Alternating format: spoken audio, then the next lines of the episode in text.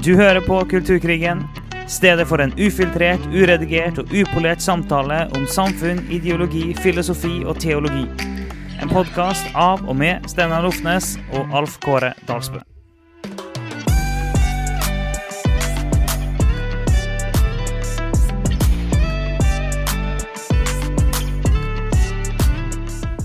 Sånn, nå har jeg bare starta opptaket, så er vi i gang med en gang. Eh, bare for å understreke hva som er konseptet i denne episoden. Ja, men nydelig. Vi har, uh, vi har funnet ut at uh, hvis vi skal ha episoder hver eneste uke, som vi egentlig syns er veldig kjekt, så er det så essensielt for oss å, å snakke om ting som uh, engasjerer oss. og det er ikke alltid at vi er Vi kjenner liksom at de klassiske kulturkrigtemaene er det vi har lyst til å snakke om. Altså, vi føler litt sånn behovet for egen del for å breie ut bitte litt uh, Ja. Det hva du pleier å si, Alf Kåre. Det er teologi, ideologi, filosofi, Samfunn. Uh, politikk uh, og samfunn. så når det gjelder våre interesser, da, så, så, blir jo det egentlig å kanskje legge på historie og geopolitikk og geografi. Eller noe sånt som det. Ja, ja, ja. Det er... Eller aktuelle nyheter på helt andre områder. altså, interessefeltet er veldig, veldig bredt. Det, det, det, det er ingen tvil om. Og vi Altså, hvis vi først går i gang og snakker med et eller annet, så kommer vi oss alltid i gang. Det kan vi. Men eh, noe av konseptet for hele podkasten vår er jo at vi følger det, det, som er der vi kjenner litt trøkk.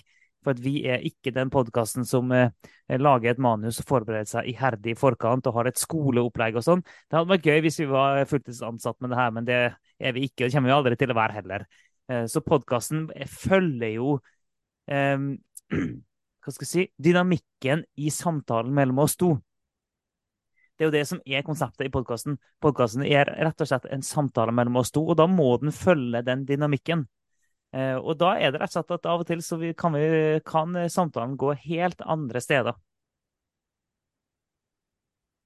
Ja, og nå eh, altså, gikk jeg rett inn på avisen nå, og, eh, og så fant jeg jo faktisk et, et relevant kulturkrigtema, da.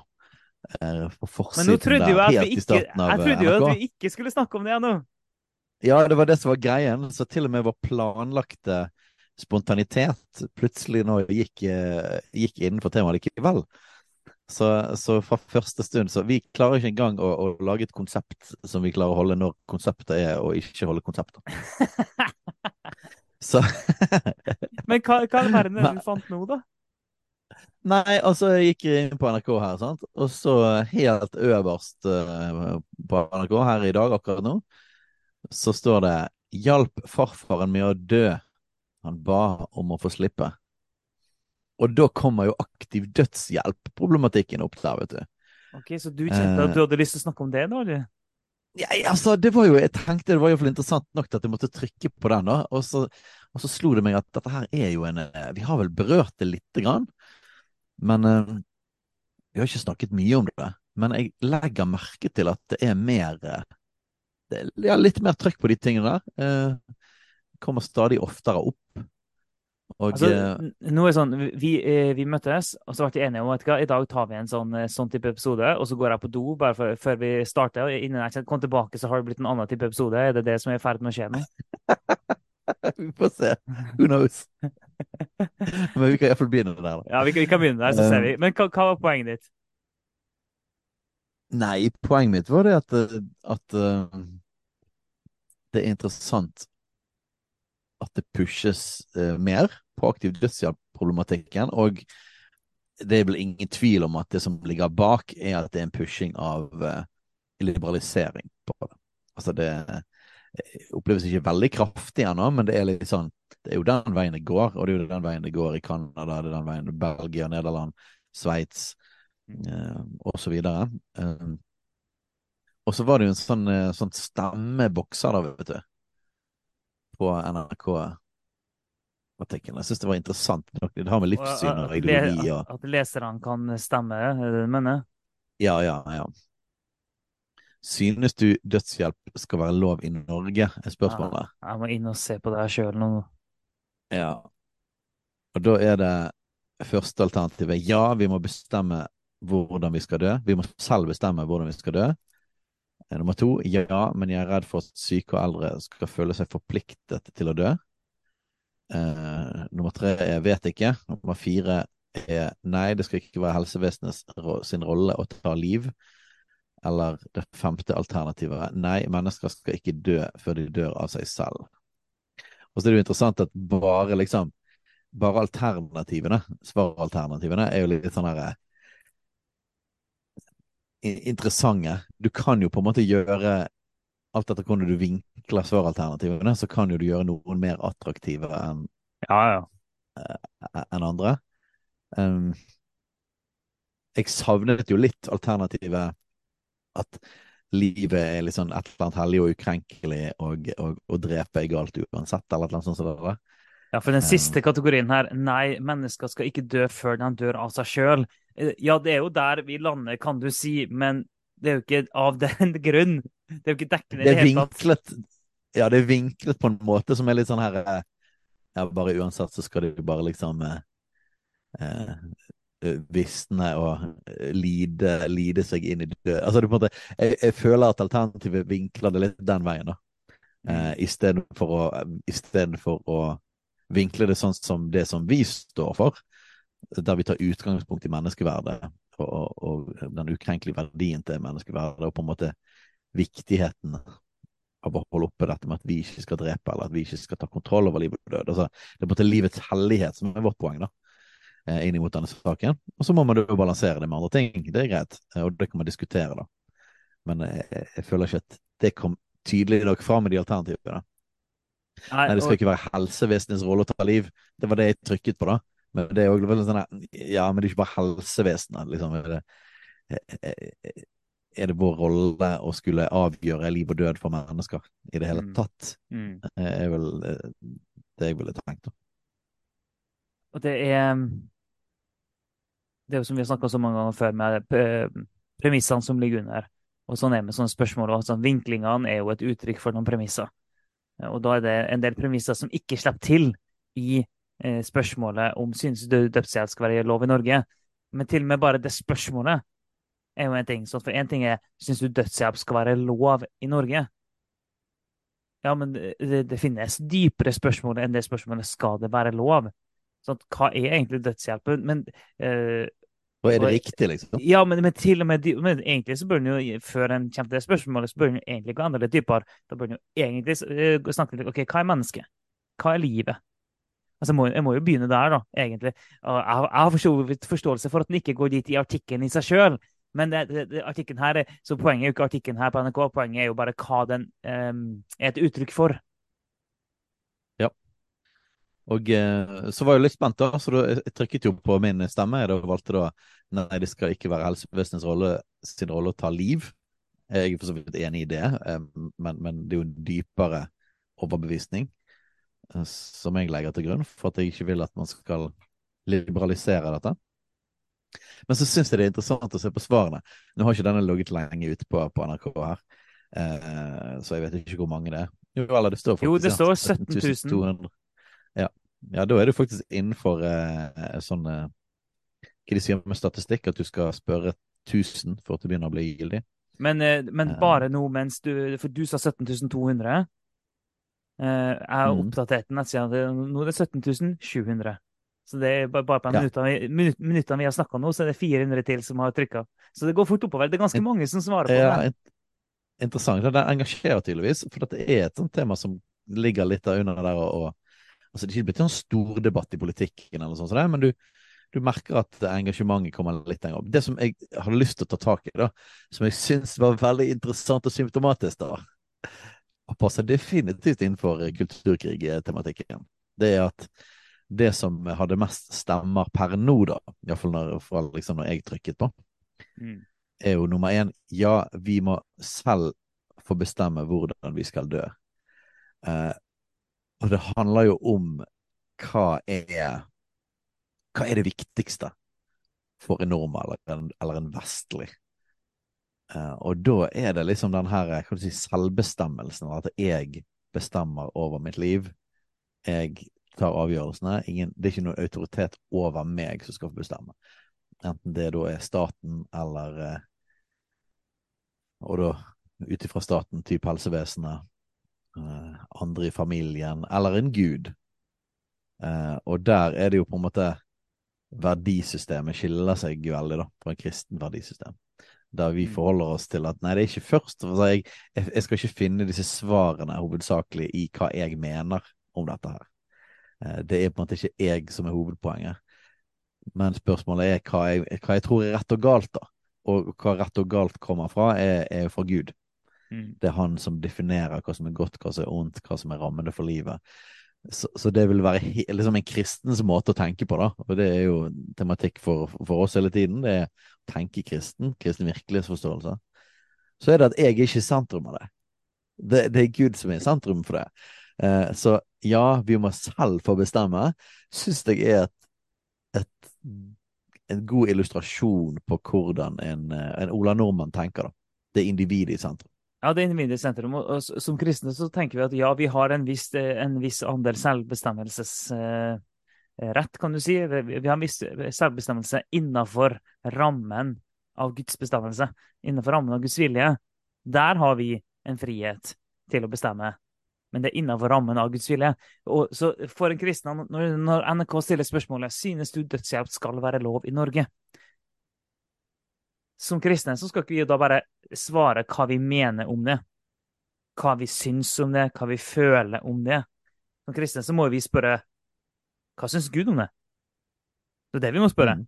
Syns Gud at dødshjelp skal være lov i Norge? Det er det rette spørsmålet for en kristen å stille. Ikke syns jeg det, eller hva føler jeg når jeg leser det spørsmålet? Eller syns syns jeg det her er lett eller vanskelig spørsmål? Men hva syns Gud? Og så kan du, alltid si at det, det, det er ikke så enkelt å vite hva Gud mener om eh, konkrete ting i dag. Og det har vi snakket om mange ganger før. Men, og det er jo riktig at det er veldig mange ting i dag som Bibelen ikke peker spesifikt på. Men noe av vårt hovedpoeng i podkasten igjen og igjen og igjen og igjen, er jo at hvis vi går til fundamentet, går vi til Bibelen og tar Bibelen på alvor, så gir Bibelen oss en del premisser som, som når vi legger de premissene til grunn, så leder de oss til konklusjoner i spesifikke ting i dagens moderne verden i 2023. Og Det er det som er så viktig for oss kristne å lære oss, at når vi legger de bibelske premissene til grunn, så leder det oss til konklusjoner i spesifikke ting i dag som Bibelen ikke peker spesifikt på. Ja, kunne ikke vi tatt en liten sånn uh, litt sånn spontan gjennomgang av hvordan er det vi tenker, og hvordan er det vi bruker de bibelske verdiene og tankene om dette.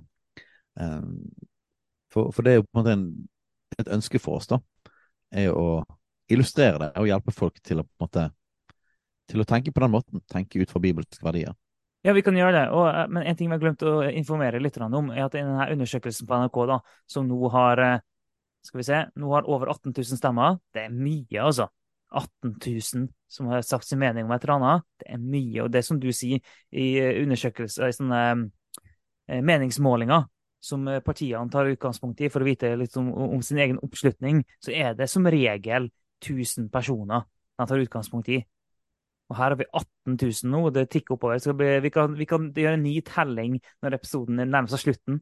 Eh, Men da er det 53 som sier ja, vi må sjøl få bestemme hvordan vi skal dø. Og det er 26% som sier ja, men er redd for at syke og eldre skal føle seg forplikta til å dø. Og de tre andre bare, har bare noen få prosent av hver.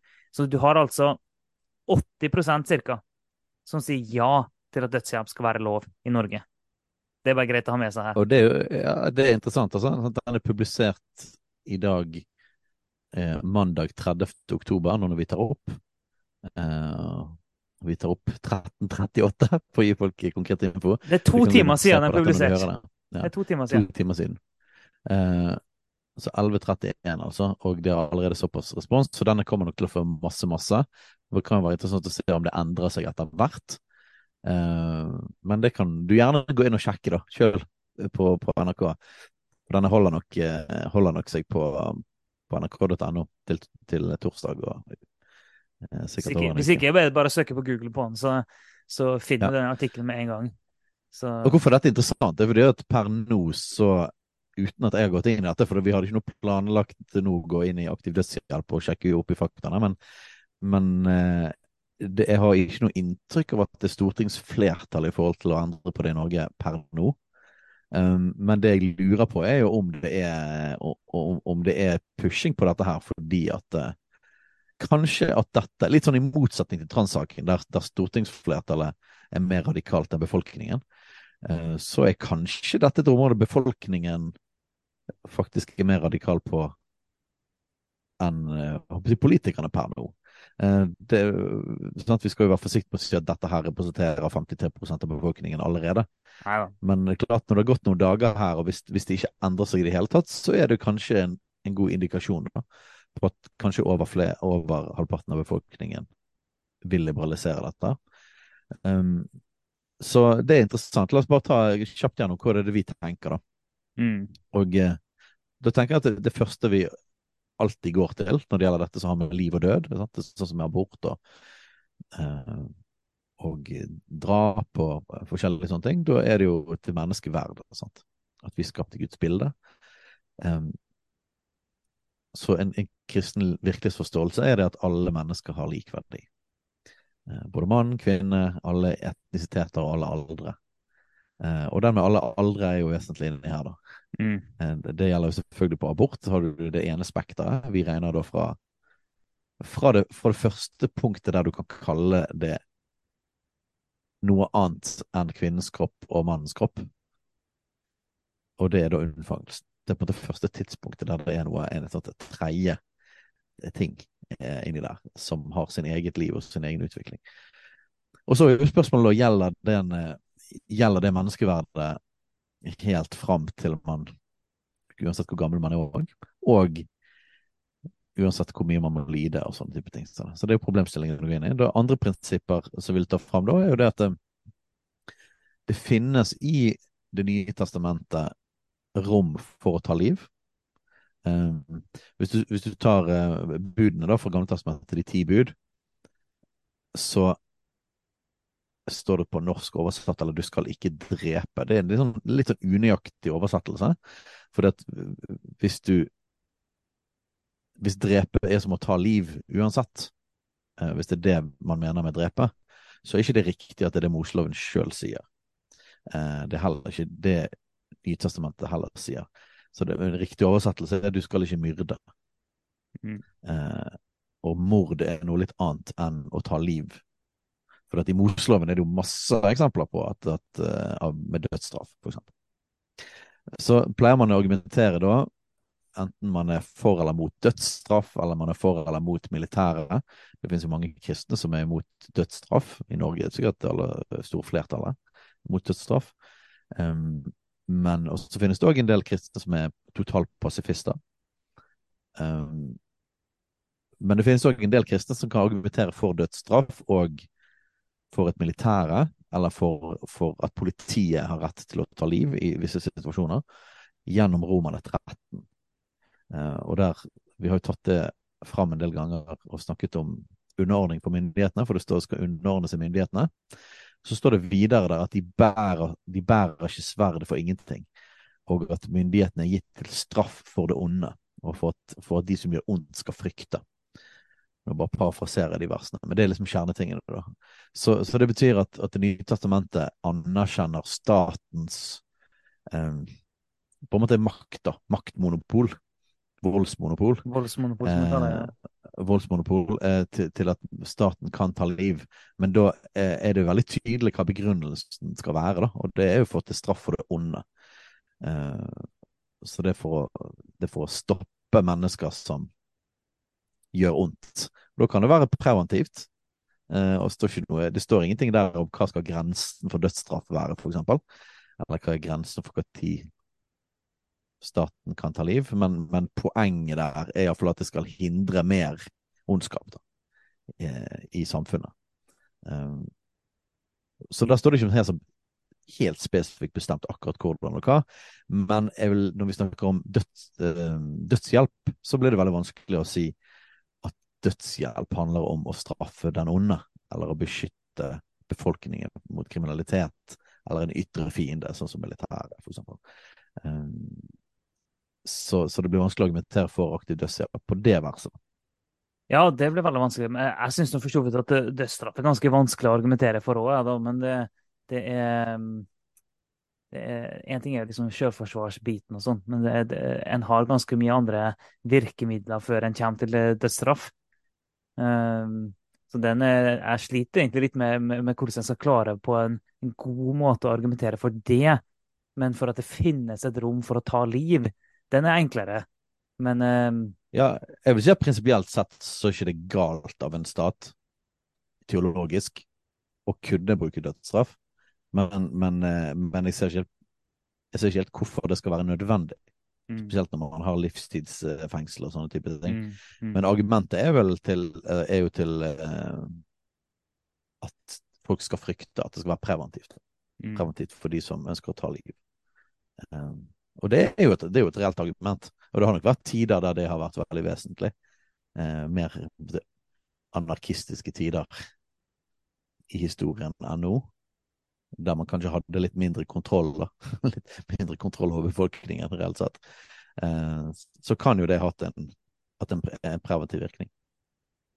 Ja, det kan jo det. Jeg, jeg, jeg sliter fortsatt litt med å se den gode kristne argumentasjonen eh, for dødsstraff. Altså, men det, ja, det, er jo spørsmål litt sånn Hun skal ikke henge seg for mye i det. Men, uh, men uh, det er jo for så vidt forskjell på det å argumentere hardt for noen ting og argumentere for at det finnes en mulighet for noen ting. Det, det er jo forskjell på det, da. Ja, ja, at det finnes argumenter for det. Og jeg mm. personlig er ikke for det. Jeg ser ikke, jeg ser ikke grunn til det. Jeg kunne ikke ønske at vi har det her. Jeg er glad for at det ble avskaffet i land etter land. Men, men jeg vil si prinsipielt sett at du kan være for det, ut fra mm. Bibelen. Mm. Og at det finnes òg eh, grunner i samfunnet. Altså det, det, det, fantes grunner. Men jeg vet ikke om det lenger har den effekten. Det kan være at det har hatt en effekt før, jeg vet ikke. Eh. ja, for det er En typisk sånn eh, diskusjon for kristne er jo som du sier, om en skal være pasifist eller ikke. Uh, og, og det, jeg, har, jeg for så vidt respekt for det, dem som lander på at de mener det er den riktige at det er det riktige ståstedet for en kristen å være pasifist. Jeg, jeg, jeg sjøl er nok der at jeg er åpen for at det finnes en, at det går an for en kristen å være i militæret og ta liv. At det finnes en åpning for det. Uh, og det er jo en, men det, for det er liksom ulike diskusjoner. En ting er dødsstraff, en ting er om en kan ta livet som en soldat, f.eks. Og så har du et, et sånn typisk eksempel er sånn, ok, men hvis noen angriper familien din, f.eks. Eller bare ta Israel, da, mm. som vi har vært litt inne på. Uh, hvis Hamas hadde kommet inn i mitt hus for å slakte familien min, hva hadde vært den rette tingen for meg å gjøre? Det, og, og så, og, nå er egentlig ikke poenget hvor langt inn er det nå, vi snakker egentlig om aktiv dødshjelp. Men, men sånn, i en sånn situasjon så vil jeg jo si at Men da kommer det jo inn dette med å ta liv, sant? Altså, ja, ja, ja. ja. Hele, hele så, skal jeg si at noen kommer inn for å voldta min kone og mine barn og, og, så, og torturere dem før de tar livet av dem? Skal jeg se på det? Skal jeg la dem gjøre det? Eller skal jeg gjøre det jeg kan for å stoppe dem, som da i utgangspunktet vil si å ta livet av dem? Ja, Da vil jeg si at, eh, at som kristen så er det helt innafor at jeg da tar livet av dem. Ja, og, og, jeg mener at det er helt fair å kunne argumentere med det ut fra kristen tro. Og så vil jeg òg si at uh, det er helt fair å argumentere for total pasifisme. Um, skal si, vi, uh, vi har en, uh, en i menigheten som vi kjenner godt, som har et oh, Jeg vet ikke om jeg klarer å si hans saying, da, men han, har en, han er ganske tydelig pasifist. Eh, liksom nesten under alle forhold. Og han sier det noe sånn som at hvorfor skal jeg utsette min Eller for så vidt i videre forstand min families eh, eh, å komme til himmelen? Hvorfor skal, jeg, hvorfor skal jeg utsette hva tid vi kommer til himmelen, for å dømme han til garantert fortapelse? Mm. Mm. Og det, og det er, synes jeg er et kraftig argument, da. Ja. ja, det er det. det, er det. Og det er et av de bedre argumentene jeg, jeg vet om uh, for det. Uh, og når jeg da ser for meg Eh, sånn, kanskje kan vi få han inn til, til, til å sjøl argumentere for det en gang.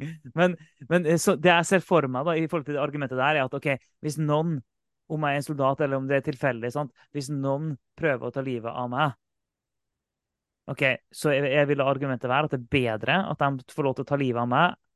Jeg drar hjem til Jesus uansett. Det er bedre at det går den veien enn at jeg tar livet av den personen, og så, går det, og så går den fortapt for evig tid.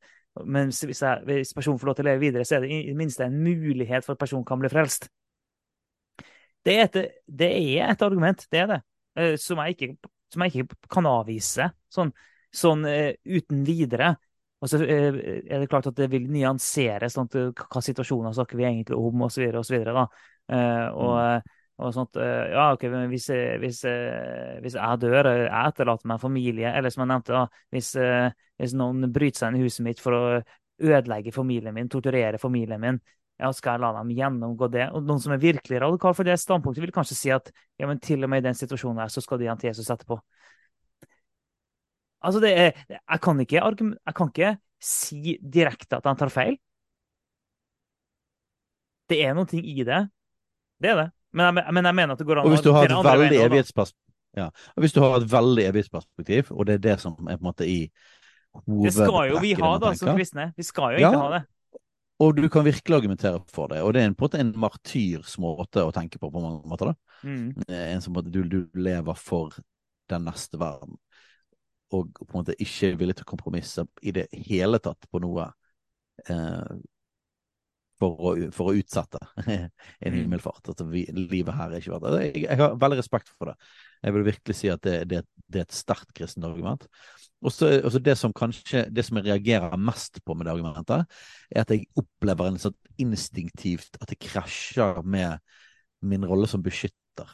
Mm. Um, og at det finnes òg en legitim bibelsk hva si, rolle da, av mannen som beskytter av familien sin. Og at det òg betyr Uh, liksom, du har tatt det valget å komme inn her og skade oss, mm. da har du krysset en grense. Mm. Og, og uh, jeg er beskytter av familien, og jeg beskytter familien med mitt liv. Og jeg beskytter òg familien med vilje til å ta ditt liv. Mm. Uh, det er du som har tatt det valget. Det er ikke et ansvar jeg skal bære, til og med om det måtte føre til din, til din fortapelse. Så jeg er villig til å beskytte mine barn og min familie. Det som er på en måte det som så lenge det er å beskytte familien, så er det et kraftigere argument. Så lenge det er bare mitt liv, så er det litt mindre kraftig. Men da vil i så fall være det at da vil mine barn og min kone miste, miste meg. Mm. Og, og, det på den måten er det å beskytte de, og at jeg ikke dør. Uh, hvis det kun var meg Og dette høres dette, uh, nå, nå, drar vi ut en tenkt greie her. Nå må ja, alle som sitter hjemme, prøve å holde tungen uh, beint i munnen og forstå at jeg illustrerer her, da. Uh, Jesus elsker alle single, men jeg vil si det at det er annerledes da hvis det bare snakker om mitt liv. Ja. Uh, og jeg vil si at argumentet hans uh, i forhold til himmel og sånn blir på en måte kraftigere jo, jo, mindre det er snakk om å beskytte andre, da. Hvis det er bare ja. å beskytte mitt ja, ja. liv, da tenker jeg liksom sånn her, vet du hva, ja, da, da, da kan det være bedre å bli å gi livet sitt, da. Mm. Jo, men er helt enig. Tillegg, ja, hvis man i tillegg faktisk får muligheten til å se personen i øynene og si det at hva, mm. Jesus elsker deg, du kan ta livet mitt, eh, jeg kommer til himmelen, men jeg, jeg, du, du, trenger å gi livet ditt til Jesus. Hvis du får liksom til og med avlevert en sånn før han dreper deg, så er det klart at da vil Guds godhet og nåde plage resten av livet, og du kan kanskje redde ditt liv for evigheten. Og det er sånn, Jo mer vi går over eh, eh, i den enden av skalaen, da, Eh, jo mer du er mot at okay, du er, er alene og, og, konsekvensene for andre er begrensa, og eh, jo mer du faktisk har en, en eller annen form for kommunikasjon med den som tar livet ditt, jo mer du er over i, eh, i den enden av skalaen, jo vanskeligere blir det å argumentere mot eh, det argumentet. Og, altså, jo vanskeligere blir det å si at, eh, at, det er greit å ta livet av den personen. Det, det blir det. det. Det blir vanskeligere, vanskeligere å argumentere for. Men med en gang Eh, det ikke er tilfellet, det er andre folk det går utover, direkte eller indirekte. Direkte er enda verre igjen. Og så kan vi, ja, En kan alltid så, uh, ta tak i det, for så vidt. Men jo lenger du går i den skalaen der så, sånn, okay, Du snakker om beskytter uh, plikten, egentlig, til å beskytte. Altså som mann, som ektemann, som far, som har plikt til å beskytte. Og det er jo ikke bare sånn noen ting vi har funnet på. Det er jo gudgitt. Og, det, og når, vi, når, vi, skal prøve å tenke kristent her, så er det jo hele tida sånn at det, ett argument er jo ikke nok. Vi, prøve, vi prøver jo å se, se, det med et helhetlig perspektiv. Og vi prøver jo, Hva er den røde tråden? Hva har Bibelen, hva er summen av Guds ord? Sånn, summen av Guds ord i sannhet. Hva er summen her? Eh, vi må trekke det inn. Sånn, sånn, ja, vi skal i utgangspunktet ikke ta liv. Vi skal beskytte. Hvordan får vi det her til å gå sammen? Og det vi ofte har sagt, er at måten du får bibelske tilsynelatende bibelske sannheter som krasjer mot hverandre, måten du får dem til å fungere på, er at du tør å løfte begge to fullt ut. Det det, det er jo sånn du Mm. må få det til å fungere. Og så må du bare jobbe med det helt til det faktisk fungerer. Det, altså, det er sånn du kjemper med bibelske sannheter. da. At du ikke du spiller ikke ned noen av dem. Du spiller opp alle sammen. Helt til Mm. du kommer i mål. Ja. Og eh, jeg bare kom på at liksom, for å gå til helt andre enden av skalaen, da. Bare et eksempel på liksom på, eh, på der jeg veldig vil forsvare at det blir rett å drepe en person. Det er hvis du drar det over til at det ikke, det ikke bare, det er ikke bare deg. Det er ikke bare familien din. Men la oss si at du, sitter, du, er i et barnehjem. Du er et barnehjem i ja, typisk et barnehjem i Afrika, og det finnes militser og farlige grupper. Så dette er jo ikke en helt latterlig situasjon. Dette kan jo ha skjedd, og, og kan skje. Sånn. Og så har du liksom eh, 50 små barn som du beskytter og har reddet liksom ut av et forferdelig liv. Eh, og så er, sitter der inne med deg, og alle sitter der, og det kommer en eller annen eh, noen galninger som driver og skyter rundt seg, og så har du en pistol. Mm. Og så kommer det en person inn der. Da er ikke det bare snakk om ditt liv, det er ikke bare snakk om din familie engang, men det er snakk om å hindre en massakre. Da er det ingen tvil. Jeg hadde skutt personen med en gang. Mm. Men det, og det. Ja, men og der er jo jeg enig med deg. Jeg gjør det. Og så tenker jeg også på at det finnes garantert noen historier fra noen folk som har vært i en eller annen sånn type situasjon. Og de har vært på sine knær, og de har bedt. Og i det Ja, øyeblikket, det er det, eh, i det øyeblikket den militsen kom inn? Og, og, og kanskje det tok den personen og skjøt mot dem, men kulene traff ikke, og personen Ja. skjønte ikke hva som skjedde, og skjønte bare Oi, her er Gud på og personen falt ned på kne og ga sitt liv til Jesus. Og så, sant? Du har de historiene òg. Ja, hvis, 100%. og hvis du hadde skutt den personen, da, så hadde ikke en person eh, fått oppleve det. Så sånn, ja, men det, Så jeg, jeg vil ikke si det at det ville vært det eneste rette, men jeg ville sagt at det er lett å forsvare det. ja, ja. At det kunne finnes en annen. Og, sant? og det er litt vanskelig å se for seg at du er der på kne og bare OK, barn, nå ber vi til Gud, liksom. Kom igjen. Roper vi til Jesus, og så står vi foran og vet du hva, du kan drepe oss alle, men vi, du, vi kommer til himmelen. Eh, men, mens eh, Ja. Altså, du kan jo gjøre det samme der òg. Det er Mm. helt klart. ja da. Og det er vanskelig så du er der på knærne, og du har pistolen ved siden av deg. Hva gjør du, liksom? Mm, Du mm. Gud, så tar du opp den. Det, det, det, det er utrolig vanskelig. Ja, men det, er det som er poenget mitt med at altså, pasifistargumentet er godt. Det er det. Det er, Ja. det er veldig Det er det. godt. Og vi har mange Ja. vitnesbyrd om folk i sånne, type situasjoner som har opplevd at Gud har grepet inn. Helt overnaturlig. Ja. Og det sånn, Ja, Ja, og når- til og med om ikke, om ikke det skjer, så er jo på en måte martyriumsgreien er Altså, det er ingen som blir æret mer enn martyren og løser Johannes' Ja. oppbevaring. Så du, du har både det, med å bare gi sitt liv fullstendig over Guds hender, og så kan han gripe inn. Og så har du martyrelementet. Og så har du samtidig, som vi hadde har nevnt, det med beskyttelse, som òg er guditt greie. Og så har du òg det her med at synd har konsekvenser. Altså, så når folk Mm. velger å synde, så har det konsekvenser. Så om en, om en har gitt seg sjøl over til et sånn type liv, der en synde, og en utøver ondskap, om en har gitt seg sjøl over til ondskap, ja, så får det konsekvenser. og Den konsekvensen kan faktisk være at du blir drept. Og da er konsekvensen at du, ja, du går faktisk fortapt. Så og alt det her er Ja, så dom, dom blir òg riktig. Ja, Og det ja, er ja. sånn at både nåde og dom her kan være på, eh, på en måte riktig, da. Fra Ja. forskjellige vinkler. Og da er det sånn Så den bibelske måten å tenke på da, er å prøve å løfte opp alt her samtidig. Mm. Det er jo det som er den bibelske måten å tenke på. Og jeg tenker at som en kristen, det som vi i alle fall kan si til og med i mitt ekstreme eksempel, der jeg mente dette var det er ingen problem her, ville skutt personen, så jeg merker jeg jo med en gang jeg kommer i tvil, med en gang du bare begynner å bringe inn de andre tingene. For jeg tenker at La oss si at du er i den situasjonen. Du, du er i det huset der, masse barnehjemsbarn og alt mulig. Hvis hovedgreien din er at du sitter med pistolen og sikter, Hvis det, hvis det, det, det, det din go to-respons er til ja, pistolen det er framfor, framfor å be, liksom, så er det et problem Ja. bare der. Ja, det blir, det blir feil. Ja, det, det, det er ikke tvil om at det blir feil, det òg. Det er ikke så lett, det her.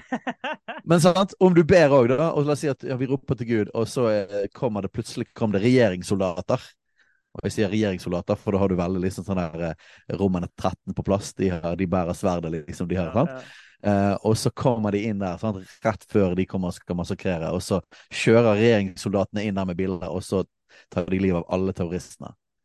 Så tenker vi halleluja, det var bønnesvar. Ja. ja, og hvorfor, hvorfor, går vi inn i dette? Sant? Vi snakker om aktiv dødshjelp. Nei, det, vi går ned i kaninhullet her, da. Det er jo det vi gjør. Eh, og, og, og, ser på alle vinklene av dette med å ta liv. Og når er det rett, og når er det ikke rett. Og grave opp de vanskelige problemstillingene. Og her finnes det et, et spekter, da. Uh, og, og, med det vi lander på her, er jo til og med ja, det finnes en, en mulighet. Det finnes en slags, det finnes en, slags rett, da og Vi skal ikke gå for langt inn i krig og militære, for da merker jeg der finnes det også masse forskjellige vanskelige problemstillinger. Sånn, Hva tid er en rettferdig krig? Hva med motstandskamp? Hva med liksom Ok, myndigheten bærer sverdet, det finnes en, du kan argumentere altså, for militæret, men både på, eh, på både på, på, tysk side og eh, amerikansk side òg, da, liksom. Eh, liksom. Ja, og hva betyr sånn at En tysk soldat ikke vil ha rett? Ja, sant? Hva betyr Roman 13 i en ok okkupasjonssituasjon? Eh, Gud har ikke skapt ja. Eh, altså, det, det, er jo ikke sånn at alle nasjonalstater er liksom grunnlagt av Gud sjøl.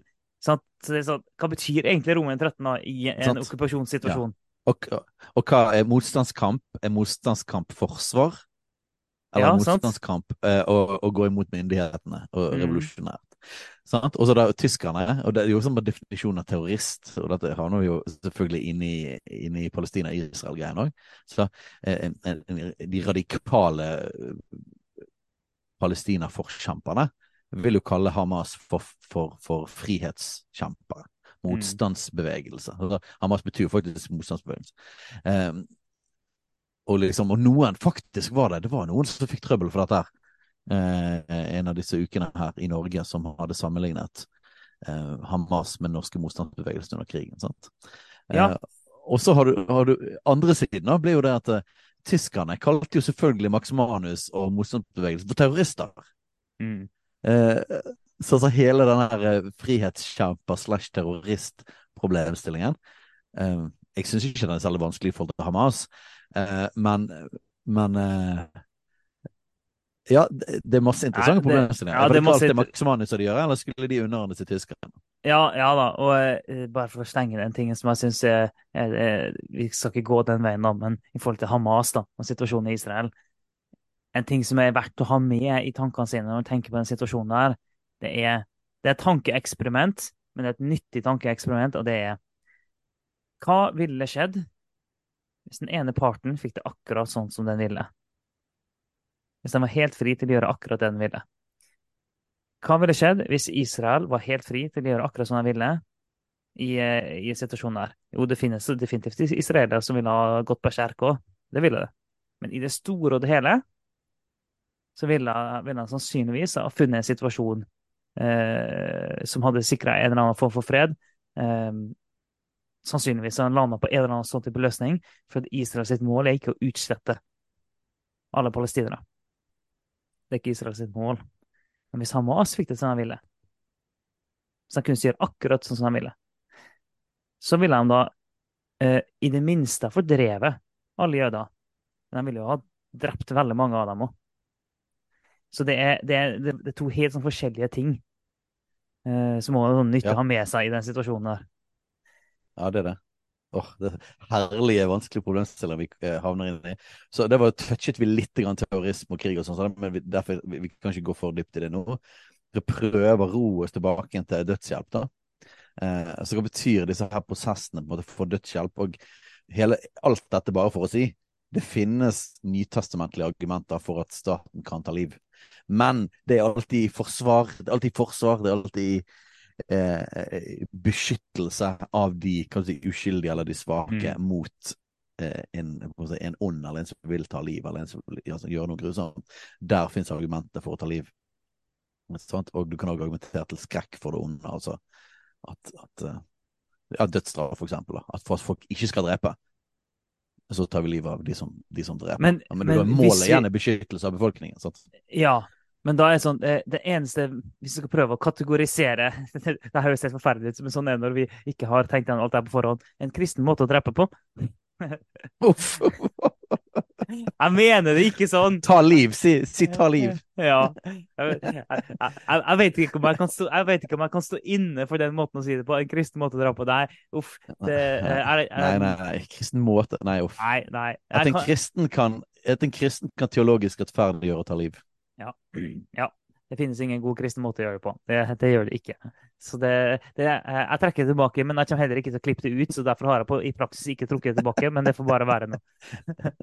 jeg tror ikke det er dette som, som gjør at det blir kansellert, AFK. Nei, nei. Det vi har sett, nei vi, men vi, vi forsøkte meg på det kunne, en fin, det kunne vært en fin VG-overskrift, da. dette mener den, den eh, hva skal vi kalle den kristen konservative? Hadde ikke vært nok. Det har vært den, den ja, hva, hva, hva, tror, hva tror VG ville kalt oss? Begrepet. Kristne ekstremister. Eh, ja. Dette mener den kristne, kristne ekstremistiske podkasten Kulturkrigen er den, den, riktige kristne måten å drepe.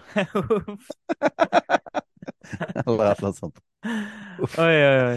Uh, nå, nå, glemte jeg helt poenget mitt her. Uh, jeg hadde egentlig et poeng med, med, å si det der. Uh, jo, poenget var det at når vi snakker om muligheten da, hva som er den teologiske muligheten, så er det jo hele tida i konteksten av I hovedsak er det beskyttelse, for sånn er det jo beskyttelse. Så i hovedsak så er det i konteksten av beskyttelse det er snakk om. At, at der mener vi at det, det finnes en, en, åpning. Mens når det kommer til dødshjelp, så er det jo ikke det som er greia i det hele tatt. Det er Nei, for, men, no, no, til og med beskyttelse, Alf. Det er, bare, det er bare så interessant. Ja, beklager, jeg ødela stanken men, men, bare for å understreke den igjen, da. Ja, ja. Til og med beskyttelse handler om at så få liv skal bli tatt som mulig. Altså, det eneste argumentet for å ta liv er for å at spare i sum For å spare liv. Altså, det, ja. Hele tiden er poenget her at livet er hellig. Til og med når man skal ta liv, er poenget at livet er hellig. Så du, ja, så du tar liv fordi livet er hellig, da. Det høres jo helt eh, bakvendt ut, men det er jo i, det, det er i praksis det som skjer. Så den, den, den, kristne begrunnelsen for å ta liv er at livet er hellig. Det høres utrolig rart ut, men det er jo, jo. det som er greia. Men jeg tror alle kan alle vet, altså, Du kan se for deg ekstreme situasjoner sant? med, med, med konsentrasjonslærer og så videre, og så tar du livet av vaktene for mm. å redde alle folkene som er inni. Altså, sånn, mm. Det er det som er argumentasjonen. Ja.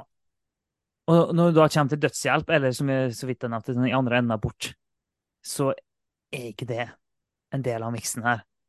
Det er, det er, helt andre ting som spiller inn. Det, og nå prøver jeg liksom Kan jeg klare å komme opp med en slags kristen begrunnelse for dødshjelp? Eller for abort, for den saks skyld? Kan jeg klare å komme opp med en begrunnelse som kan forankres i Guds ord?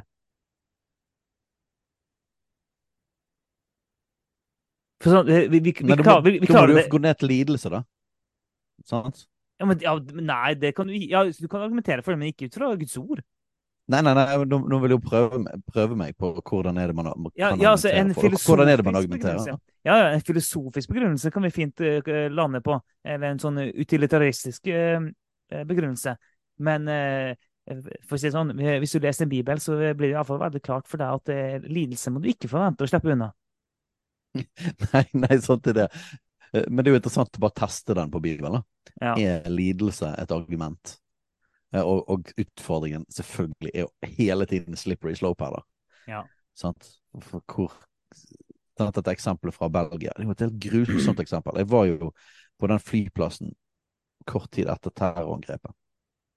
Det var jo en militær flyplass eh, blitt. Mm. Eh, denne flyplassen i, i Brussel, Belgia som, der det ble sprengt en bombe. Og eh, der var det sant, for mange som døde, og så var det en som overlevde. Og jeg tror det var en ganske ung person. Eh, og så ja, Ung jente, var det ikke? Slitt, ja, ung jente. Slitt med frykt, depresjon, sånne type ting i ettertid. Hun har liksom mm. ikke kommet seg etter det. Og hun fikk innvilget dødshjelp i Belgia. Eh, på grunn av på en måte psykiske, altså mentale problemer. Og så ble det som ekstra ille da, på grunn av at det, på en måte, hun døde ikke, men hun hun, hun ble drept av staten. hun overlevde faktisk angrepet, men så ble hun tatt livet av staten. Det er ja. sånn, sånn crazy ja. hele den situasjonen. da. Sånn? Men der, der er jo argumentet da til og med på en måte psykisk lidelse, eller på en måte følelsesmessig smerte. Ja, men, men ta, ta denne lidelsesbiten, da. For det, det, er gjerne, det, er gjerne det som er hovedargumentet for aktiv dødshjelp. Det er lidelse. Og så, er det, og så varierer det om folk eh, anerkjenner den psykiske lidelsen som nok. Noen eh, sier at det er, en, det er selvfølgelig nok, andre vil eh, begrense seg til en form for fysisk lidelse. Så det her har folk ulike meninger. Men, men jeg vil tippe at de her nærmere 80% som sier ja til at dødshjelp skal være lov i Norge, at det er lidelsesargumentet som er hovedargumentet. Ja, ja, OK. Det er jo kombinert med selvbestemmelsesargumentet, da. Uh, så det, det, de, de, to henger veldig sammen. Men det, det er det at, uh, at en skal få lov til å bestemme En skal være herre i eget liv. Og hvis lidelsen er stor nok, så er det et argument, selvstendig argument for å avslutte livet. Det er jo de hovedargumentene som jeg kan eh, altså Du kan alltid komme med andre typer argumenter òg, men det er nok de viktigste argumentene vi møter på i Norge i dag for aktiv dødshjelp. Tror du ikke det? Jo, jo, det er det. Uh, og så vil nok noen der, da sant? For det er på en måte to argumenter slått sammen. Sant? Det ene er på en måte individets rett, at det bestemmer, og på en måte at lidelse forringer på en måte livet da, såpass. Mm. At, at, det på en måte ikke er verdt å leve. Um, og, og, den individets rett den kan vi bare avvise med en gang, og det har vi allerede gjort. Så det er på en måte den liberale tanken om at individet står i sentrum, uh, og at vi kan bestemme over vårt liv. Og det, det, det, det trenger ikke nesten å begrunne oss særlig mer engang, men det, for oss er Gud er herre over, over, vårt liv ja. og over liv og død. Så, så det, altså, det er no go, da. Ja, det er no go. Og eh, vi trenger, det er sant at vi kan for så vidt avvise den raskt. og vi, vi, jeg tenker Vi skal ikke gå langt inn i det, for vi har sagt det veldig mange ganger. Men, men det er Fra et kristent perspektiv så er det Det er ikke mulig å si at en sjøl er herre over eget liv. Det er rett og slett ikke mulig, og da er vi tilbake til når eh, og Vi tuller jo ofte med det, sant? men at vi sier at en kristen kan ikke, eller en kristen må. Sant? Men når det gjelder hvem som, å, å, være herre i eget liv, det går ikke an som en kristen. Du er per definisjon ikke herre i eget liv hvis du er en kristen. Det er to eh, ekskluderende ting. Det går rett og slett mm. ikke mm. i hop. For du blir kristen, ja. du gir livet til Jesus, og han er herre i ditt liv. Så det er per definisjon umulig å være kristen og herre i eget liv samtidig. Og da er det òg per definisjon umulig å være den som bestemmer om du skal dø eller ikke. Ja, og jeg tenker til og med for en som ikke er kristen, så er det på en måte at Gud er skaperen av liv. Mm. Altså Man tror jo ikke på det, da, men jeg tenker det vil ikke bare være galt for en kristen. Jeg tenker at det vil også være galt for en som ikke har Jesus som herre. Ja, Fordi at Gud er herre over, over livet, mm. eh, og det er han som blåste livet i oss. Det er han som gjør at vi lever, og, og, og, det gjør at vi som den skapte ikke har rett til å avslutte det han begynte. Altså, jeg tenker det er en sånn grunnleggende en grunnleggende forståelse av livet der, mm. som, som ikke en kristen kan slippe unna. Ja, så, og det, vi, det, vi, kan snakke lenge om det, men det kan vi gjøre senere. Og, og sånn, og folk må gjerne utfordre oss på det, men jeg ser iallfall ikke noe som helst mulighet der eh, i det hele tatt. Men Så vi kan, ta, vi kan, prøve å gå litt mer inn i lidelsesbiten. da. For at finnes det finnes det noen eh, argument innenfor lidelsesargumentet som kan åpne opp for aktiv dødshjelp? Eh, når en skal prøve å tenke kristent om det her. Og da jeg tenker tilbake på f.eks. i går. I menigheten vår i går så hadde vi besøk av, en, av noen av dem som følger oss opp som menighet. Noen av våre tilsynsfolk. Så når vi hadde Rachel Gordon Hickson på besøk i går, og Gordon han, eh, han forkynner Folk kan gå inn på podkasten til Jesusfellesskapet og høre sjøl om de vil. Så forkynner jo han, nei, så forteller han, og bare for kort tid siden par år siden, så var han i så enormt mye smerter pga. en operasjon som hadde gått galt. Han levde i så intenst mye smerter. At, uh, han sa det, at, uh, at kona hadde funnet han mens han bare trygla Jesus om å ta han hjem. Mm. Så han var i så mye lidelse at han ikke ønska å leve mer. Han var i så mye lidelse at han ba om å få slippe. Han ba om å få bli tatt hjem. Så jeg tenker at skal vi prøve å måte, Det er jo en sånn type situasjon som kommer nærmest aktiv dødshjelp. At vi ber Ja. Gud om å la oss slippe lidelsen og ta oss hjem. Vi ber han om å avslutte livet. Og, og du kan si vi følger en riktige riktig kommandostruktur med at vi går til han som er herre og skaper. For det, det er kun han som kan gjøre det. Så vi følger, så vi følger det. Men spørsmålet er, er mer sånn er det innafor for en kristen å tenke at hvis lidelsen er stor nok, så må livet avsluttes. Det, det går absolutt an å sympatisere med at, at vi mennesker kan komme i situasjoner som gjør det at vi har lyst til å slippe. Og at lidelsen blir så stor at vi, vi ikke orker det mer. At vi heller, vi heller vil dø. For en kristen så har du òg elementet med at vi tror at det finnes noe bedre. Eh, Mm. Hvis du ikke tror det, så tenker du iallfall at du avslutter det som er. Og at det er i sum så er det så mye minus at det ikke er verdt det. Så det går an å sympatisere med, med ønsket om det. Eh, det. Det tror jeg absolutt. Mm. Men så går det jo en grense, da. om at det er ingen Vi kan ikke gjøre det sjøl. Mm. Og da kommer ikke vi bare inn i dødshjelp, men vi kommer inn i selvmord òg. Mm. Um, og vi vil mene at fordi vi ikke er herre over livet, til og med om vi ønsker, så har ikke vi den retten til at vi kan avslutte livet.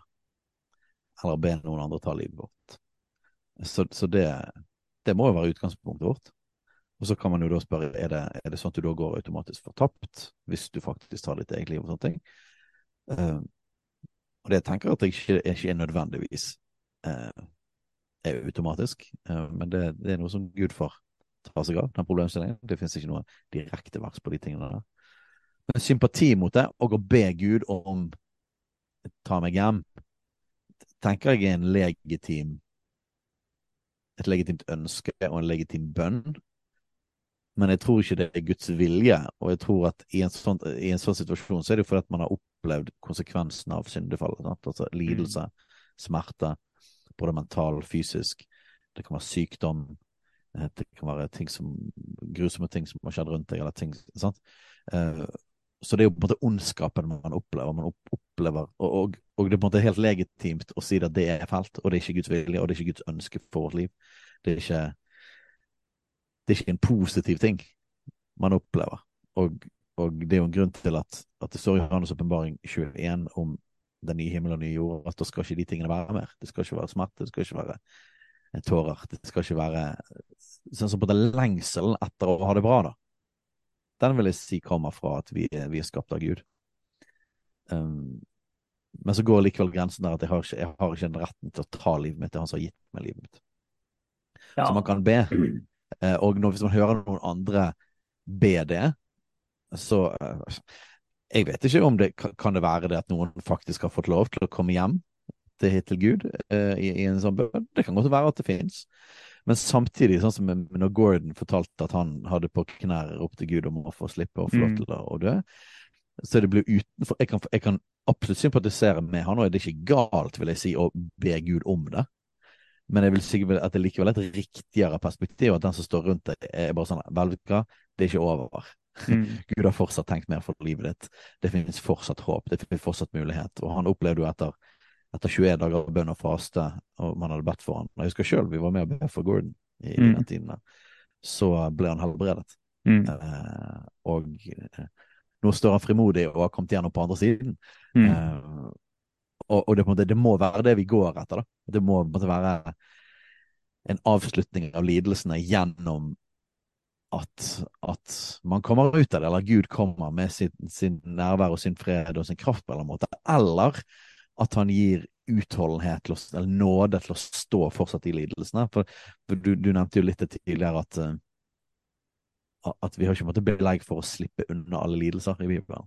Nei. Eh, For det står om det lidelser vi skal ha, men, men det, som, det som er sammen med det med lidelser i Bibelen, at det finnes en nåde, at det finnes hjelp og nåde fra Gud til å gå stå i ting.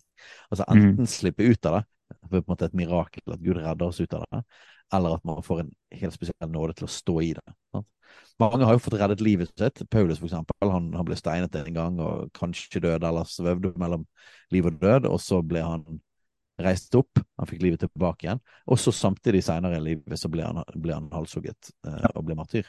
Eh, han var i fengsel og slapp ut mirakuløst av fengsel gjennom bønn og lovsanger, og det kom et jordskjelv. Men så var han òg i fengsel noen ganger der det var meningen han skulle være i fengsel, og han fikk forsyne evangeliet for, for kanskje keiseren, men iallfall keiserens garde og sånne ting. Mm. Så, altså, du, så, så, i Bibelen så har du den der Det er helt legitimt å be om et mirakel eh, og komme ut på den måten. Men hvis ikke, så, så, så er det iallfall tror vi på at det finnes en nåde og en kraft for Gud til å stå gjennom det. Og det vil jo være på en måte jeg tenker for kristen, så er det det vi må gå, gå for da, når noen lider. Ja, vi, vi må ja, vi, vi, må gå for det, og det er jo liksom du, det er for så vidt et godt poeng du kom med i stad. at ja, vi, vi, vi, har hørt mange vi har hørt mange historier om folk som sier det, at de trygler Gud om å ta dem hjem. Men det er jo fordi at de lever i dag for å faktisk fortelle om det. Og da er det, det nesten alltid så er det fordi at de enten da har blitt helbreda, eller situasjonen har forandret seg, eller de opplever at de har fått en uh, utholdenhet og styrke og nåde fra Gud til å stå i ting likevel. Altså, det er et eller annet i den kategorien, da, mm. når folk forteller om det. På en eller, annen, en eller annen måte så har de iallfall blitt bedre. Uh, uh, så jeg har jeg, jeg sier ikke at det ikke finnes, jeg sier bare at jeg kan ikke komme på en eneste historie der det fortelles at ja, den personen trygla Gud om å ta han hjem, og så tok Gud han hjem. Jeg sier ikke at det ikke har skjedd, jeg sier bare det, det, er ikke det, det vi pleier å høre. For de kan jo ha dødd, da. ja, ja, da har jo de dødd, så det, det, det, det, er klart, ja, da, ja, da er vi litt sånn på folk som er liksom, eh, mer naturlig døde òg, da. Folk som er veldig nær døden. Eh, men det finnes jo folk som lever i intens smerte, som ikke er nær døden i det hele tatt. Eh, så det er jo mer det vi snakker om, da. Det er klart at det, Og jeg tenker på bare min egen, min egen bestefar. Sånn at rett før han døde, så sa han jo at han var mett av dage, sa han. Han, han, var klar mm. for å dra hjem. Han følte seg klar for det. Og da er liksom eh, eh, han, så han, han, begynte, han, begynte, å vende blikket eh, mot himmelen. Han begynte å vende blikket mot Jesus. Og tenkte at mm. han, han, er ferdig med det her. Han hadde kreft. Han ble dårligere og dårligere, dårligere. Livet ble mer og mer kjipt. Og han kjente at jeg har levd nok her. Jeg har lyst til å dra hjem. Eh, men, men, da er det jo eh, Det er jo én ting. Eh, men noe annet er at okay, når alle andre ting i livet ditt tilsier at du kommer til å leve lenge, men du lever i enorme smerter. Mm. Ja. ja, og til og med hvis du tar din bestefar, da. Du går inn i hele dødshjelpeproblematikken, til og med med folk som er da gamle. Eh, la oss si han, han sier det, da. Jeg, jeg, jeg, har levd livet, jeg er klar for å komme hjem. Sånn, sånn. OK, helt supert. Eh, jeg vil si fullstendig innenfor legitim. Men så går det hvis, La oss si at han har lagt på Så Alf Kåre, Kan du ta den puten og kvele meg nå? Ja. Mm så, så, er, så, så, krysser man en grense der, da. Både han vil krysse en grense. Så vil si at det vil, jeg, jeg mener det vil være galt å, å, be om det, da. Spørre om det. Eh, og det vil være galt av deg å utføre. Eh, og jeg men, tror det vil være galt av staten å utføre det òg. Ja, men, og det, det, tror jeg for så vidt veldig mange er instinktivt enig i. Men for å gjøre der, det eksempelet enda vanskeligere, da. La oss jo for meg at eh, jeg sitter her med bestefar. Eh, men at han, han, helles, han blir holdt i live av en eller annen form for medisin eller et eller annet han får intravenøst eller et eller annet sånt. Så han, ja. han helles i live. Han er ikke i direkte smerter. Men han, han, opplever at han er ferdig. Han har lyst til å dra hjem nå. Han er ferdig med livet. Og så spør han meg kan du skru av den maskinen nå. For da, mm. vet vi, da vet vi begge to at han kommer til å dø avslutte livsforlengende behandling. Ja. Det er ofte, ofte en sånn relevant hva, hva, hva, er det, da? Det, det, er det men det, det, er vel det hjernen som kalles en sånn passiv dødshjelp. muligens. Jeg husker ikke begrepene helt nå, for vi har ikke forberedt oss på denne episoden. her, Da vi sjekka det først. Eh, for det finnes jo noen, jeg forstår at det finnes noen forskjeller på det. at Når det naturlige mm. forløpet er at den dør. Eh, og det, du har livsforlengende behandling, og du har palliativ behandling sant, og osv. osv. Ja, og det er klart det er en del av bildet er at legevitenskapen nå gjør det at vi kan holdes i live mye lengre. Mm. og, og, så kan du komme inn i vanskelige problemstillinger med, med hjernedød.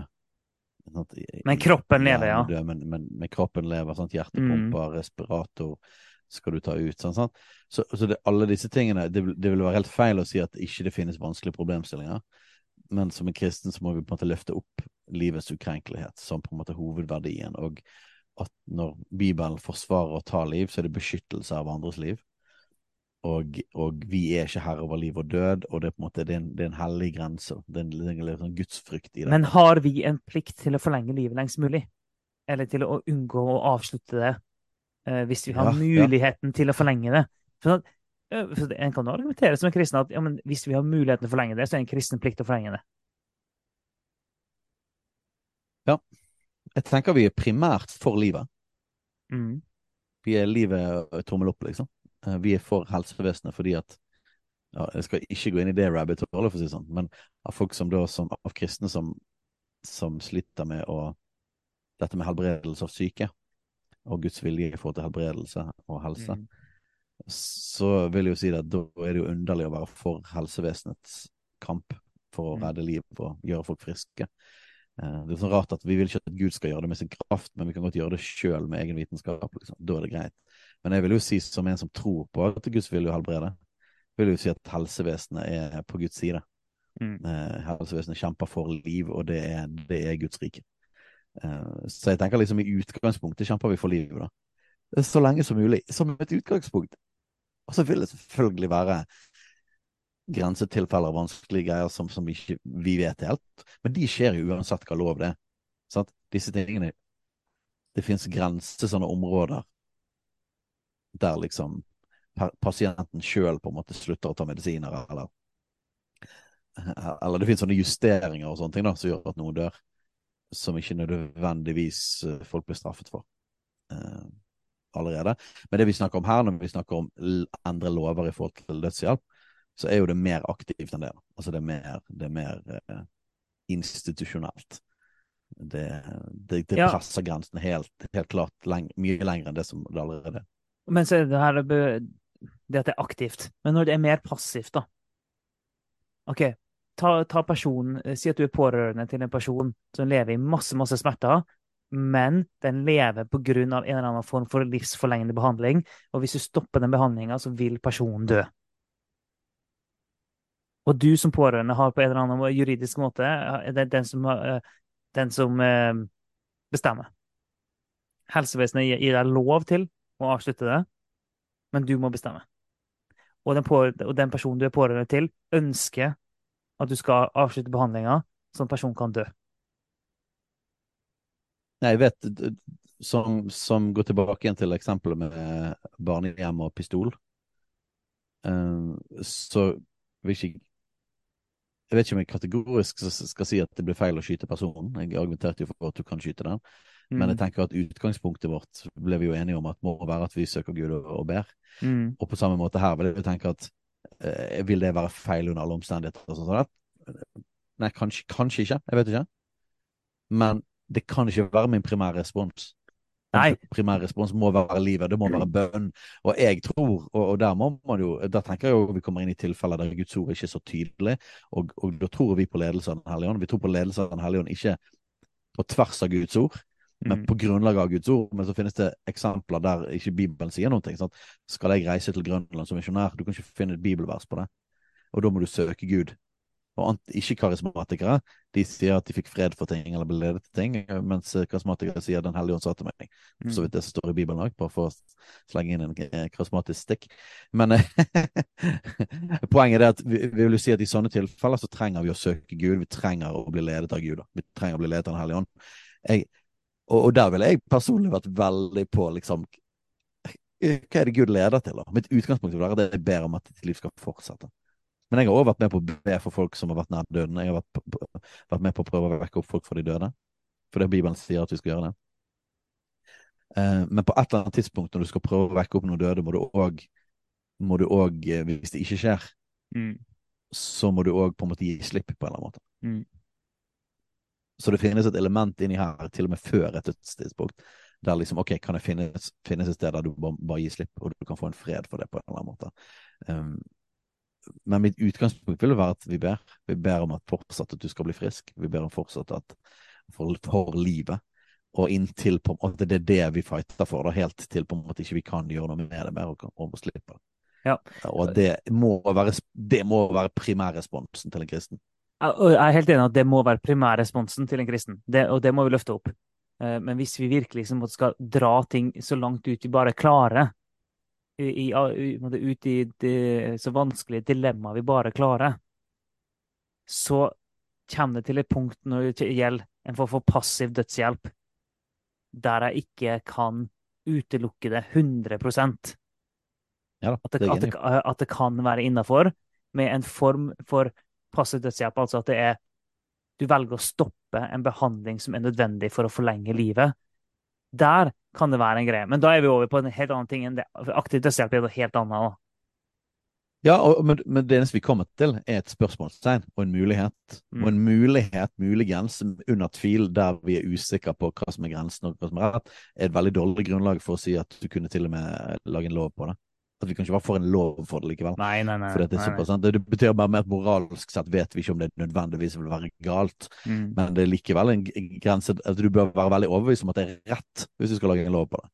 Eh, og, og, der synes jeg jo det er vanskelig. Og det har med det, hell, altså det har med livet hellig å gjøre. Og det er jo derfor vi går inn i disse vanskelige problemstillingene. Og, og i selvforsvarsgreiene òg, eller forsvare andre. At på en måte det kommer liksom ned til når du jobber med dette, at åh, det er fint, vi må ha gudsfrykt her i forhold til livet. da vi skal være veldig, veldig veldig forsiktige med å ta det der i egen hånd.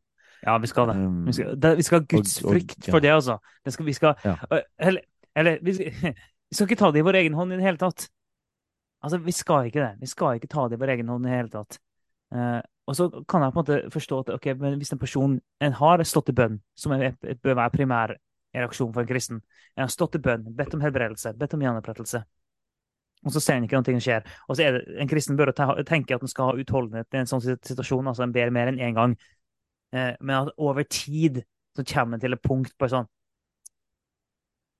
altså, Igjen, primærresponsen til en kristen er jo utgangspunktet at vi ber helt til det skjer. Vi ber til det blir gjennombrudd. Og vi ber om så vi må be resten av livet, så skal vi be likevel. Altså, Det er primærresponsen når det gjelder bønnelivet for en kristen. Men likevel, da, når du har gjort alt det der, så er vi åpne for at det finnes et punkt hvor du må gi slapp. Altså, det, den, den, ser vi. Men det, det er mm. dit vi kommer. Det er det nærmeste ja. vi kan komme en eh, form for dødshjelp. Ja. Så, så en akt, sant? Og da er vi under passiv dødshjelp, men en aktiv dødshjelp vil jo da, siden vi sliter med grensen på en passiv dødshjelp, mm. at liksom sånn der, muligens, men det er veldig vanskelig, så er det helt klart at når det er aktiv dødshjelp, vil jo på en måte det, det, det er totalt no go. Jeg, ut, ja. jeg, det, jeg syns det vil være forferdelig med folk som lever i lidelse. Ja, virkelig. Ja. Jeg syns det er forferdelig. Eh, og, og, og, en kristen respons er bare ja, da må vi be for dem. Da må vi kjempe på at de blir slipper ut av denne situasjonen. Og Da må vi gråte med dem som, de, da må vi grine med som griner, og vi må, og vi må bære byrdene til hverandre, osv., osv.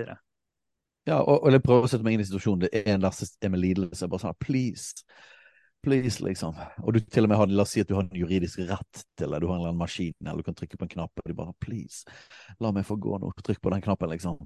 Uh, jeg har så smerter. Jeg, liksom, da tror jo jeg at at jeg har måttet på en måte holde personen i øynene se, i hendene og se de øynene bare sånn her, og grått med dem på sånn Jeg syns det er forferdelig det du gjennomgår, men jeg, jeg, kan ikke gjøre det. Jeg kan ikke gjøre det. Mm. Jeg må bare fortsette å be Gud om at han gir deg styrke, at han gir deg mm. kraft, og at, at du får hjelp, og at du kommer deg gjennom dette. Og så får heller, får heller han ta seg av det, om, om, du får lov til å slippe taket. Men jeg, jeg, jeg, kan ikke trykke på den knappen. Jeg mm. kan ikke gjøre det. Og jeg, jeg kan og derfor kan jeg heller ikke forsvare at vi, at vi får et lovverk eller en institusjonaliserer dette i samfunnet vårt. At, at, at familie eller du sjøl skal kunne ta det valget, og at helsevesenet tar livet av deg. Altså, det, det, det, det funker ikke. Altså. Det går ikke. Nei, det går ikke. og Jeg tenkte på det når du sa det om at jeg kan ikke gjøre det. sant? Eh, og det er for, eh, Som kristne så vi kan ikke verken eh, være herre i livet eller over livet. Det kan vi ikke være. Og liksom, Den kristne vandringen er jo en vandring der vi daglig tar opp vårt kors for å følge Jesus. Altså Vi daglig dør fra oss sjøl. Det, det, det, er den kristne vandringen. Og det er jo på en måte at vi daglig nekter å være herre i eget liv. At vi daglig så sier vi 'Jesus er herre i mitt liv'. Og det gjelder på alle ting. Det gjelder her, men det gjelder på alle andre ting òg. Hver dag. Jesus er herre i mitt liv. Og når, Det å ta opp sitt kors og følge Jesus det kan høres brutalt ut, men sånn, det å ta opp sitt kors det er en dødsdom. Det er en dødsdom over det gamle livet vi levde før vi, før vi fikk livet av Jesus.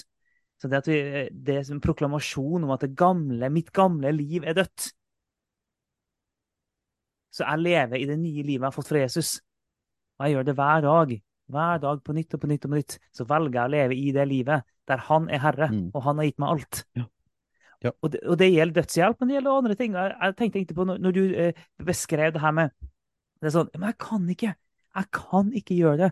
Så tenkte jeg bare på at den holdningen er jo den, den holdningen vi trenger på så mange områder i livet der ting er vanskelig, vi har lyst til å gi etter. Men sånn, men jeg kan ikke, for det er ikke jeg som er herre, verken over det vi snakker om eller over mitt eget liv. Jeg er ikke herre, Jesus er herre, derfor kan jeg ikke gjøre det eller det, eller jeg kan ikke si det eller det, for at Jesus er herre, ikke jeg. Mm. Og jeg tror faktisk at han er god. Jeg tror faktisk det er han som definerer hva som er godt. Eh, hva som er rett, hva som er galt. Og hvis han sier at jeg ikke skal ta liv, vet du hva, da stoler jeg faktisk på at jeg stoler mer på han enn min opplevelse her, eller din opplevelse som, som er i smerter og holder på å dø. Mm. Jeg må stole på at, at Gud, han, han er den som vet best. Og jeg har, jeg, har, jeg, har, frykt for Gud, og jeg kan ikke sette mennesket i sentrum, verken meg sjøl eller deg. Det, det, er ikke det som kommer øverst. Og, og hele den holdningen, du har helt rett i det, det, det, kom, det kommer jo på alle mulige områder. Og, og, det er interessant nettopp at det er akkurat det som folk svarer i denne undersøkelsen i NRK-artikkelen. Det at hvis du sjøl vil, jeg er i sentrum, Mm. er hovedargumentet. og akkurat det er det jo det som da krasjer med det vi beskriver. Ja. At vi, vi, kan ikke, vi kan ikke tenke sånn. Nei, vi kan ikke det. Det går ikke. Og ikke, ikke engang lidelse går over det. Uh, sånn er det bare. Og, og, og, vi tror faktisk at Gud er god. Det er tross alt han som har skapt livet. Ja, og så det er det. overlater vi dette i hans hender. Uh, og, og, vi vil ikke tukle med det. Og det, ja, det har med gudsfrykt å gjøre, og det har med at vi tror Gud er god. Vi tukler ikke med det som har med liv og død å gjøre. Det må han ta seg av. Uh, Så- og jeg ser faktisk videre i denne artikkelen her, jeg, jeg leste jo ikke det ferdig engang før vi begynte å ta opp.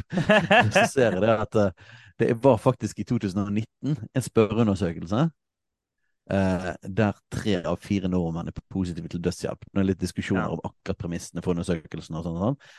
Men det bekrefter jo det der tallet i, eh, i, i, den, i selve artikkelen, den stemmingen der, at det ser ut som at et flertall av befolkningen eh, faktisk er positive til dette. Ja, og, og så ser du i artikkelen så er det en uttalelse fra en, en, så vidt jeg forstår det, en person som forsker på forholdet mellom dødshjelp og palliasjon. Eh, da skriver, sier hun dama her et liberalt samfunn anerkjenner retten over egen kropp og eget liv. Og det er bare sånn Det er rett Mm. i kontrast til alt vi har snakka om nå. Eh, Sånn. Og, og det er jo akkurat det som er det som blir sagt sånn, Et liberalt samfunn anerkjenner retten over egen kropp og, e og eget liv. Og en kristen kan egentlig kan bare si seg enig i den påstanden innenfor rammen av Guds vilje og at han er herre. Så, så lenge en holder fast på det, men det er han som er herre. Det er han som er skaper. Det er han som er herre. Det er Gud som er sjefen. Ja, innenfor den rammen så kan du si at, eh, at eh, en har eh, rett over egen kropp og eget liv. Men det er bare innenfor den rammen. Det er jo interessant. Da jeg bare ser litt videre på den artikkelen, det er jo, Utgangspunktet er jo en historie fra en, en, en familie i USA, da, for Oregon, der dødshjelp er lov. Eh, og jeg ser jo det at hoved, det sentrale argumentet her er ikke engang lidelse. Altså. Det er faktisk selvbestemmelsen som er liksom hovedpoenget. For sånn som jeg leser det her, så ser ikke det ut som denne gamle mannen var i noen grusom lidelse eh, en gang. Altså kroppen holder på å svikte, men Altså, det, som står, er jo at eh, da hans slitne kropp var tung å holde oppe, så opphørte også viljen til å leve, står det. Men det virker ikke det virker ikke som at det er snakk om de ekstreme eksemplene vi har kommet med, at det er noen som har ekstreme ekstreme smerter eller en ekstrem form for lidelse. Her er det mer at jeg, er ferdig, jeg vil dø nå, på en måte, og, og liksom respekten for at det er han som bestemmer det. da. Og så samlet de familien og på en Ja. måte tok livet, tok, tok, tok livet av han. Og, men Eh. egentlig da så kan du si det at det, det er Selvbestemmelsen er jo det som er argument nummer én. Og det henger jo altså Vi kan snakke om det her en evighet, men vi skal snart prøve å avslutte. Men, men sånn, du får nye nye tråder hele tida når du snakker. Men Sånn, selv, og, og, sånn, roten da, av det her Roten er jo det, det er opprøret sjøl. Altså, det, eh, det er jo fallet. Det er jo syndefallet. Det er jo det som er roten til det hele. Det at jeg, men jeg vil være herre. Eh, Jeg vil styre ting sjøl. Det er jo der alt det her kommer ifra. Så uh, om vi skal virkelig trekke ut de store linjene på det Så OK, så um, Argument nummer én, selvbestemmelse. Jeg er herre. Det er nummer én. Og så følger andre argumenter i forlengelsen av det, og lidelse er, er kanskje det, det, viktigste, da, nummer to. Men det er mm. jo opprøret i seg sjøl, det er jo syndefallet i seg sjøl, bare i et annet uttrykk, i en annen drakt. Det er egentlig det vi møter. Det her høres utrolig brutalt når vi snakker om en person som ikke har lyst til å leve og sånn. Men det er jo det vi egentlig møter. Vi møter bare syndefallet i en ny drakt. Og, og det at og, en, eh, en, vil ikke ha Gud som herre. Og, da, og denne fundamentale løgnen til slangen om at har Gud virkelig sagt, og, og den tvilen som blir sådd om at er Gud egentlig god? Mm. Og, det, og, det, er den som bare gjentar seg på nytt og på nytt og på nytt og på nytt. På så mange ting. Og det er derfor Bibelen sier at det er ingenting nytt under solen. Og det er derfor vi kan mm. si det, at, at, Bibelen har faktisk et svar på den tingen vi møter i dag. Yes, ja, absolutt. Og, og, og vi treffer jo her ideologi, så dette er jo kulturkrigsstoff de luxe. Og vi treffer primært egentlig den liberale ideologien. Uh, med individualismen og mennesket i sentrum.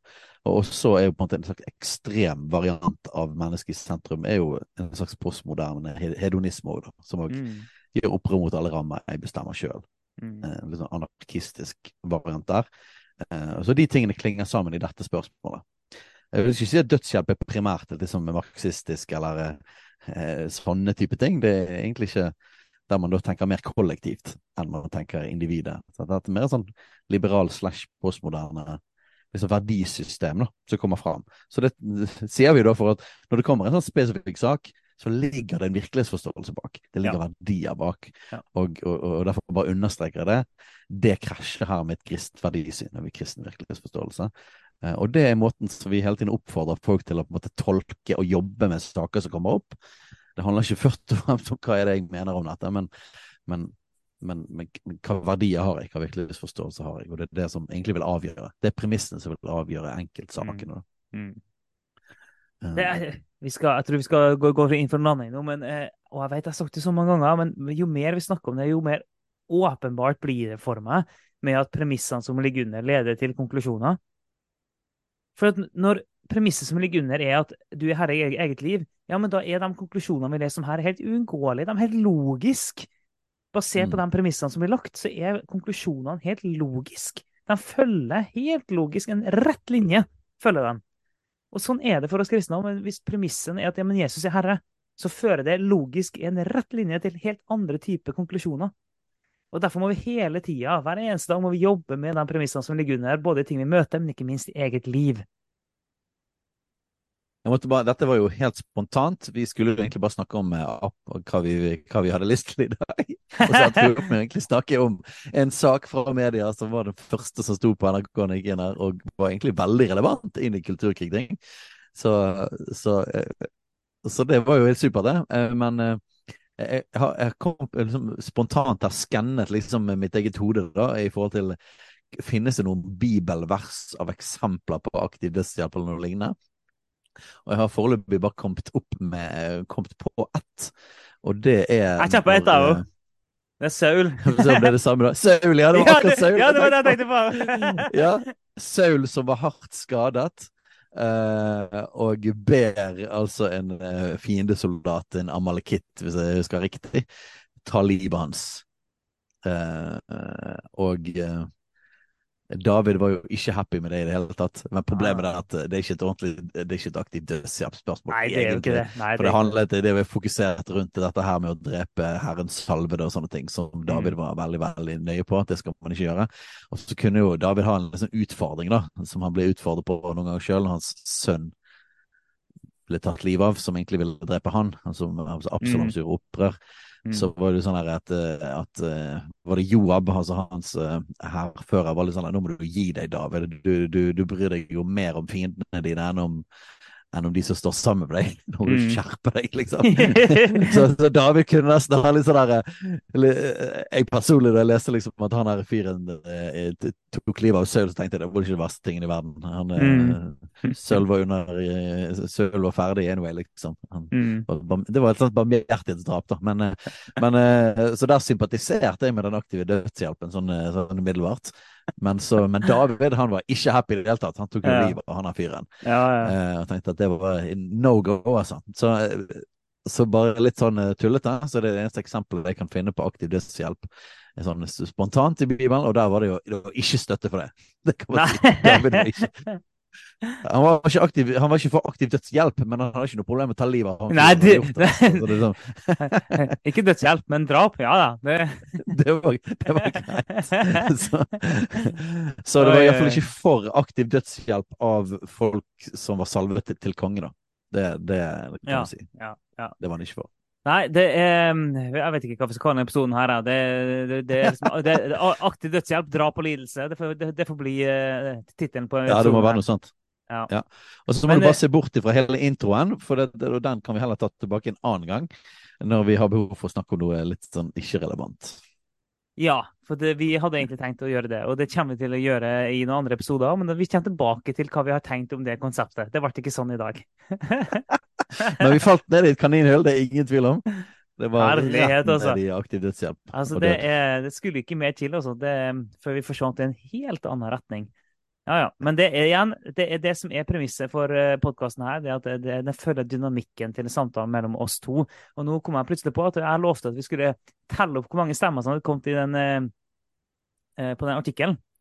Så nå så er det da 23 500 mennesker som har stemt på den NRK-artikkelen.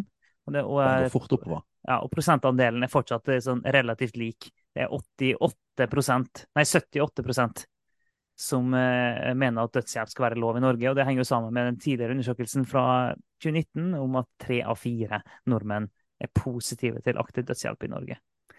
Så da har vi gjort det. Da er det jo egentlig bare politikerne som Det er bare politikerne som holder igjen.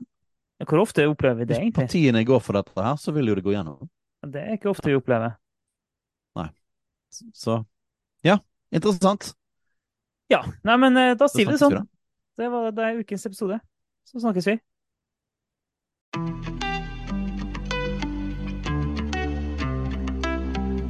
Takk for at du lytter på Kulturkrigen. Om du har tilbakemeldinger, spørsmål, hva som helst egentlig, send inn til post alfakrøll kulturkrigen.no eller på sosiale medier.